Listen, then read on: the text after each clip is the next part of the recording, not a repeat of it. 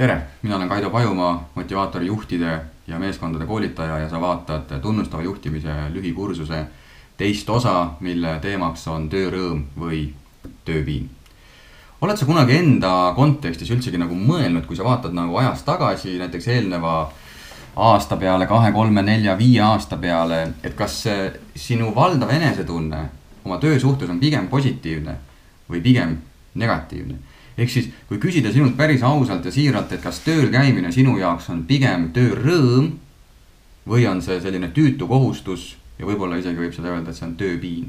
töörõõm tähendab seda, et sa tunned, et äh, ma lähen loomulikult tööle, ma teenin selle kaudu elatist, ma maksan oma arved ära, aga ma tunnen, et ma saan sealt midagi veel. ja vot see veel ongi see rõhuasetus. kui sa tunned, et sa saad sealt midagi veel, sa õpid midagi veel need suhted, mis sul töö juures on, pakuvad sulle midagi veel. Mm, juht, kes on inspireeriv sinu jaoks, pakub sulle midagi veel. see organisatsioon, kuhu sa töö, kus sa töötad või mille, kelle heaks sa töötad, sa tunned, et see pakub sulle midagi. ehk siis lõppkokkuvõttes töörõõm ei tähenda seda, et sa käid päevast päeva ringi ja oled jube õnnelik ja eufooriline, vaid see tähendab seda, et sa tunned, et lisaks palga teenimisele sa saad siit midagi veel tööpiin aga on nende inimeste argipäev, kes tunnevad, et äh, tööl käimine ei paku mitte midagi rohkemat kui ainult palga teenimist.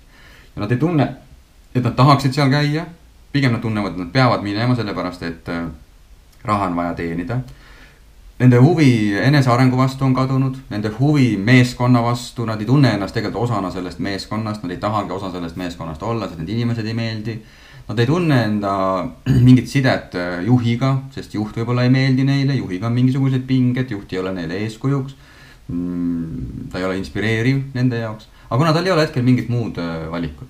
ja sama küsimus kehtib ka sinu töötajate kohta. et mis sa arvad, kui ma nende käest selle küsiksin, kas nemad ütleksid, et nende igapäevane töökogemus on pigem töörõõm või tööpiin?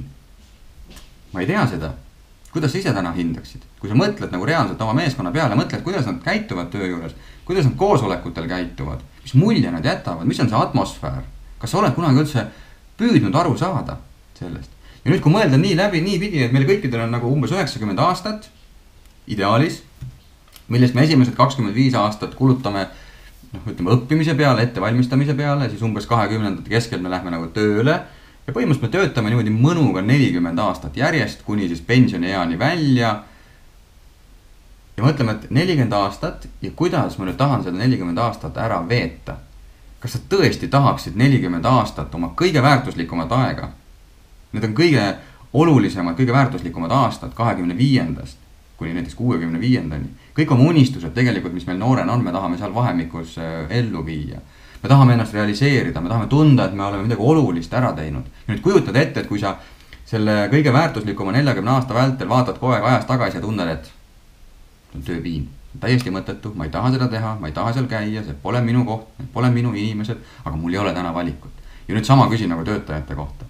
et kas su töötajad tegelikult tahaksid niimoodi tunda, kas üks sinu töötajatest vabatahtlikult valiks sellise töökoha, kus kohas talle meel, ei meeldi käia loomulikult sul võib tekkida kohe tunne, et nojah, aga miks nad siis ei pinguta, miks nad siis on sellised nagu nurisejad.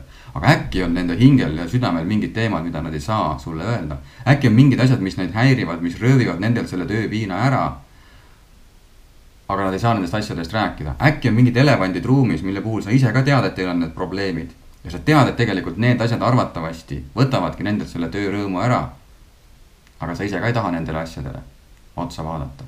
ja vot need on need küsimused tegelikult, mille peale tuleb juhina mõelda. sest kui inimene tunneb, et tööl käimine on tema jaoks tööpiin, mõttetu kohustus ainult raha teenimiseks, siis kuidas ta saakski leida eneses motivatsiooni? mõtle nüüd ise. kui sa lähed päevast päeva tööle, kus sa käia ei taha, kus sulle inimesed ei meeldi, juht ei meeldi, töö ei meeldi. kuidas ma saaksingi leida endas motivatsiooni pingutada ja teha rohkem, kui lihtsalt ma tunnen, et see palk väärt on? ei saagi. ja seepärast tegelikult äh, tihtilugu sa juhina võib-olla näedki, et inimestes on seda rahulolematust ja sina arvad, et probleem on nendes. aga kui hakata lähemalt vaatama, siis sa võid avastada tegelikult, et see probleem on keskkonnas. ja väga-väga suur osa sellest keskkonna loojast oled sina otsese juhina